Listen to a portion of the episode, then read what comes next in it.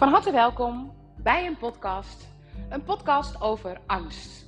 Angst, wat heel vaak een slechte raadgever is. Een zinnetje die zomaar eens gezegd wordt en waar we misschien niet eens al te diep over nadenken.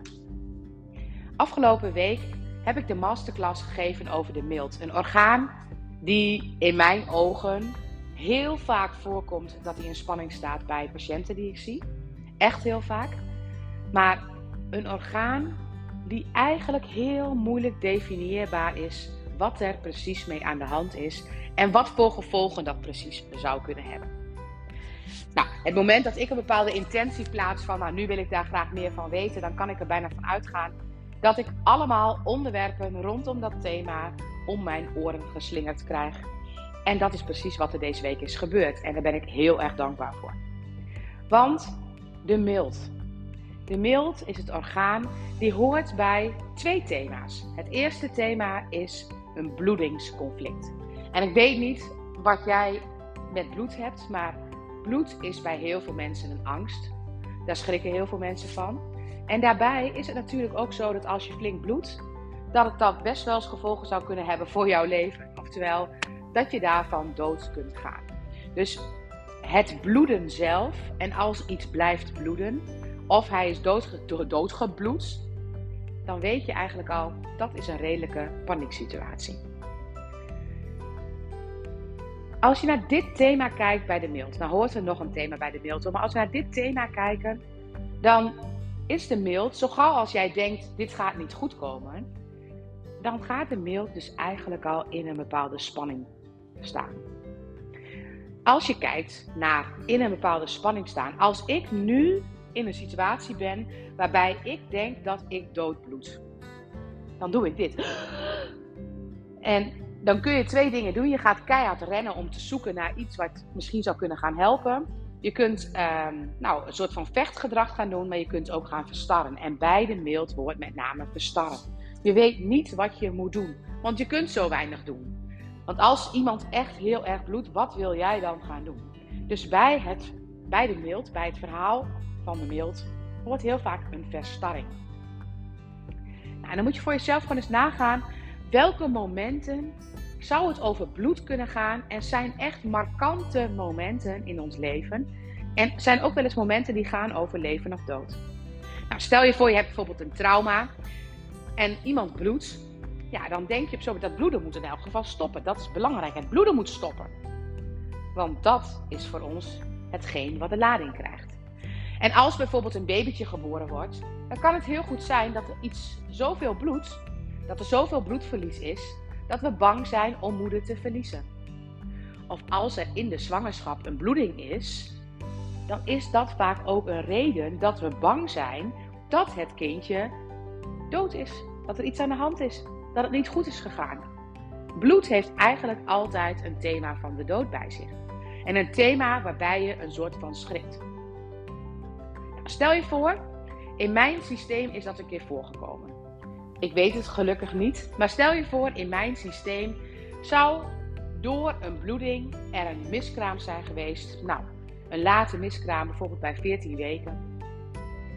Dan is die bloeding gekoppeld aan een dramatisch moment. En als die bloeding gekoppeld is aan een dramatisch moment in mijn systeem, dan gaat bloed hetzelfde gevoel geven als het moment waar het aan gekoppeld is. Want ons brein gaat in een situatie die dramatisch is, een screenshot maken en die pakt van dat moment alle thema's op. Waaronder dus als er een bloeding is en het is een bloeding door een miskraam, dan is het bijvoorbeeld een bloeding op de wc en dan is het schrikken. En dan kan alles wat er op dat moment is, wordt eigenlijk door het brein opgeslagen. En bloed en rood hoort daarbij. Als je dan later iets van rood ziet, of als je dan later iets van bloed ziet, dan is dat een trigger om gelijk weer in diezelfde schrik te gaan staan. Dus we schrikken van bloed en de, het bloed, dat het rood is en wat bloed is, daar maken we gelijk ook nog een angst op, want we schrikken ervan, want bloed heeft gelijk een koppeling met de dood. Dus later is rood ook gelijk een koppeling met de dood. Is bloed een koppeling met de dood op een ander level. Dus als je dan een klein wondje hebt, dan is die eerdere imprinting, dan zie je bij dat kleine wondje gelijk een koppeling met de dood. Nou, dat wetende kun je dus in situaties waar zo'n thema is geweest, heel veel paniek en angst in het systeem hebben. Want als daar maar goed veel op gekoppeld is, en als je bijvoorbeeld in de vinger snijdt en je hebt dan bloed, dan weet je, oh, in de vinger snijden kan eigenlijk ook niet, want dan krijg ik bloed en van bloed ga ik dood. Dus je kunt dan uiteindelijk een angst krijgen voor scherpe voorwerpen, want als je met scherpe voorwerpen snijdt, dan kun je daarmee ervoor zorgen dat er een sneetje komt en dan kan het zijn dat je dan bloed. En als je uiteindelijk ziet dat een kind met skileren steeds valt en dan bloed heeft, dan gaan we ook niet meer skileren. Want als je gaat skileren, kom je automatisch in de situatie van bloed en bloed is dood. Oftewel, angsten in je systeem die stapelen zich alleen al door de sporen die er zijn. En die is ten aanzien van de mild heel zwart-wit. Heel erg bam-bam. En het is ook nog zo dat een mild, als die in zo'n conflict zit, eerst helemaal niet zo goed kan, gaat stoppen met bloeden. Hij gaat juist heftiger bloeden. Nou, dat is hoort bij de Germaanse geneeskunde, maar het is wel goed om eventjes te weten dat zelfs die situatie steeds nog verergert daardoor. Dus als je bijvoorbeeld een bloedneus hebt en dan heb je gekoppeld aan de dood, ja, dan is de volgende bloedneus is heftiger, waardoor je het nog meer koppelt aan de dood, waardoor je echt een visueuze cirkel de verkeerde kant op hebt. Dus heb jij een thema op bloed, dan is het goed om te kijken Waar is het in het systeem ooit een thema geweest? En het kan echt in een zwangerschap, als daar een bloeding is geweest, kan dat de oorzaak zijn. En het kan ook echt heel goed zijn dat er een angst is dat er een bloeding is, waardoor het bloed ook een thema is. En het kan ook zijn dat er werkelijk iemand om het leven gebracht is in de oorlog waar heel veel bloed bij vrijkwam en wat vreselijk was om te zien. Dus onderschat niet hoeveel in ons systeem met zoiets te maken is geweest. Echt heel vaak. Maar hoe ga je dat nou stoppen? Want dat is best moeilijk. Wat je doet is eigenlijk, als je dit eenmaal gewend bent, dan ga je steeds proberen om alles onder controle te houden. Want het belangrijkste bij een bloeding is controle. Dus heel veel willen controleren, dat kan er echt voor zorgen dat je alles onder controle houdt. En dat je dat wat je onder controle houdt, dat je probeert dat zeker onder controle te houden, want anders gaat het misschien mis. En dat onder controle houden, daar, dat is echt een thema wat je veel sneller hebt dan je denkt. En je moet je een beetje voorstellen dat als het over bloed gaat, iets loopt, zeg maar. En als je zeg maar dat wat loopt wil tegenhouden, houd het maar eens tegen. Probeer het eens tegen te houden. Wat zou je dan moeten doen? Ja, dan mag je wel echt complete muren bouwen om te zorgen dat het stopt. Dus als jij bang bent dat iets gaat bloeden, dan ga je daar vaak heel veel controle op willen uitoefenen, omdat je bang bent dat het anders niet gaat stoppen. Nou, dit kan echt ook in systemen als dit aan de hand is. Dan kan dus eigenlijk de neiging dat iets niet mag gaan bloeden, dat kan ervoor zorgen dat er steeds doorlopend een bepaalde controle is. Dat er doorlopend een oh jee, als het maar niet fout gaat situatie is. En als je doorlopend op die manier naar situaties kijkt, ben je doorlopend alert. En kom je niet tot groei, ben je alleen maar aan het overleven. En als je dat doet, dan ben je jezelf dat bijna helemaal niet bewust. Want als hier nu een tijger binnenkomt, ik heb er geen idee wat ik ga doen. Ik spring in de overlevingsmechanismen en ik weet eigenlijk niet zo goed. Ik verwacht dat ik misschien wel, nee, ik ga vluchten voor de tijger, denk ik. Maar je weet het niet. Vanuit het onbewuste en vanuit de ervaringen uit je systeem ga je reageren. En dat doe je dus zo onbewust dat dat wat je steeds doet aan controle vaak heel onbewust is. Dus onbewust staat jouw hele systeem doorlopend op een alertheid. En wat je dus doet, is steeds proberen dat niet te krijgen wat je niet zou willen. En het enige wat ik je dan zou willen aanraden. Want je bent inmiddels al zo lang aan het weglopen voor dat wat je niet zou willen.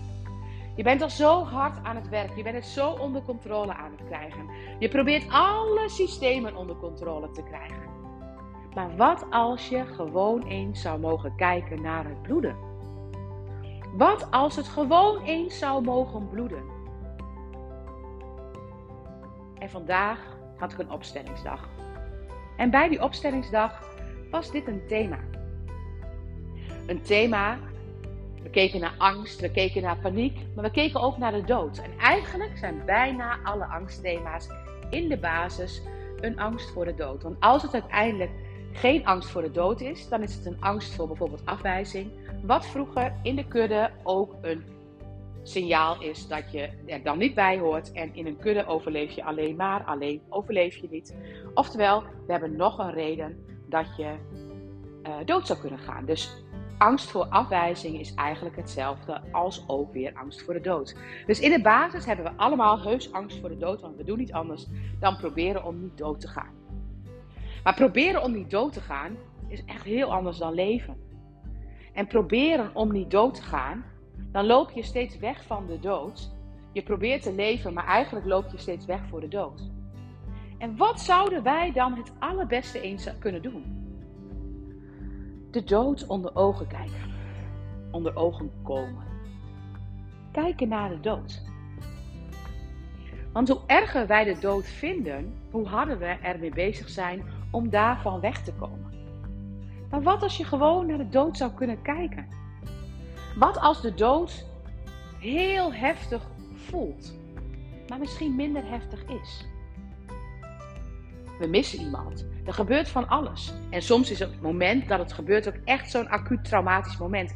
Dat het in ons systeem heus een keer voor is gekomen. Dat het zo plotseling was dat het heel veel impact op ons heeft. Maar wat als je de dood onder ogen zou kunnen komen? Stel je voor, ik kan kijken, ik ben doodsbang voor bloed. Doodsbang. Ik doe niet anders om maar niet in aanraking te komen met bloed. Wat als ik dan gewoon eens zou kunnen kijken dat dat waar ik een vreselijk monster van heb gemaakt, waar je dood van gaat, dat het soms ook gewoon maar een klein beetje bloed is, waar een korstje op komt en wat uiteindelijk weer goed komt. Dus als je iets onder ogen gaat zien wat je niet onder ogen durft te komen, dan ga je zien dat het ontspant. Dat het gewoon los gaat komen.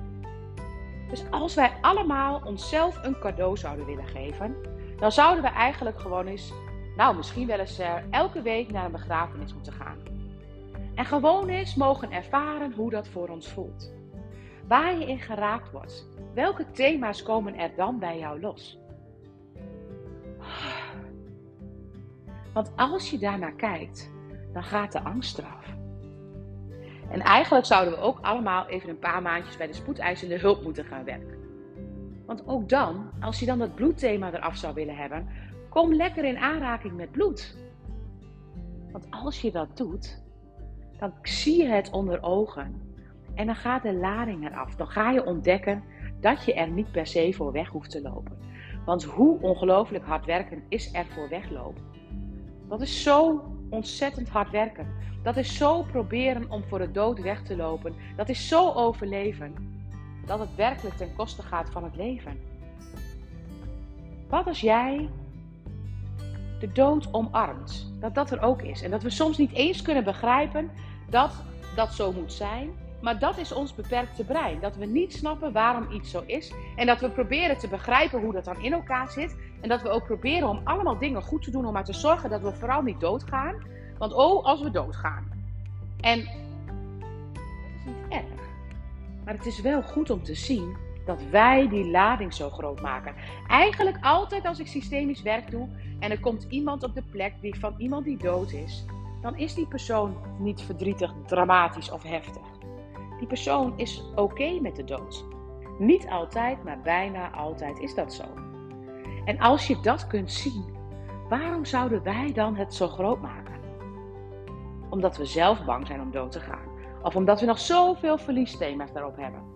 En dat natuurlijk ons hele overlevingsinstinct ook, ja, in de stand staat om doorlopend niet dood te gaan. De mild hoort daarbij. De mild is het orgaan die je doorlopend alert houdt. En ik weet niet of je wel eens hebt gezien hoe iemand die doorlopend alert is, hoe die kijkt. Die heeft een blik, een verwilderde blik. En eigenlijk kan hij niet voelen. Die is alleen maar bezig met iets wat om hem heen gebeurt. En die probeert van alles daar te redderen. En eigenlijk kan die persoon niet makkelijk bij zichzelf zijn. En dan denk je dat die persoon misschien leeft, want hij is overal en overal. Maar uiteindelijk voelt het niet alsof die persoon leeft. Die persoon is aan het overleven.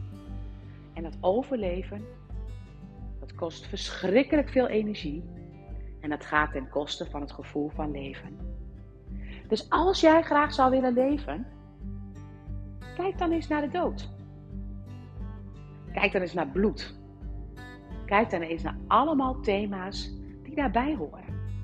Want als je dat durft te zien, dan weet ik zeker dat leven makkelijker gaat zijn. Dankjewel voor het luisteren.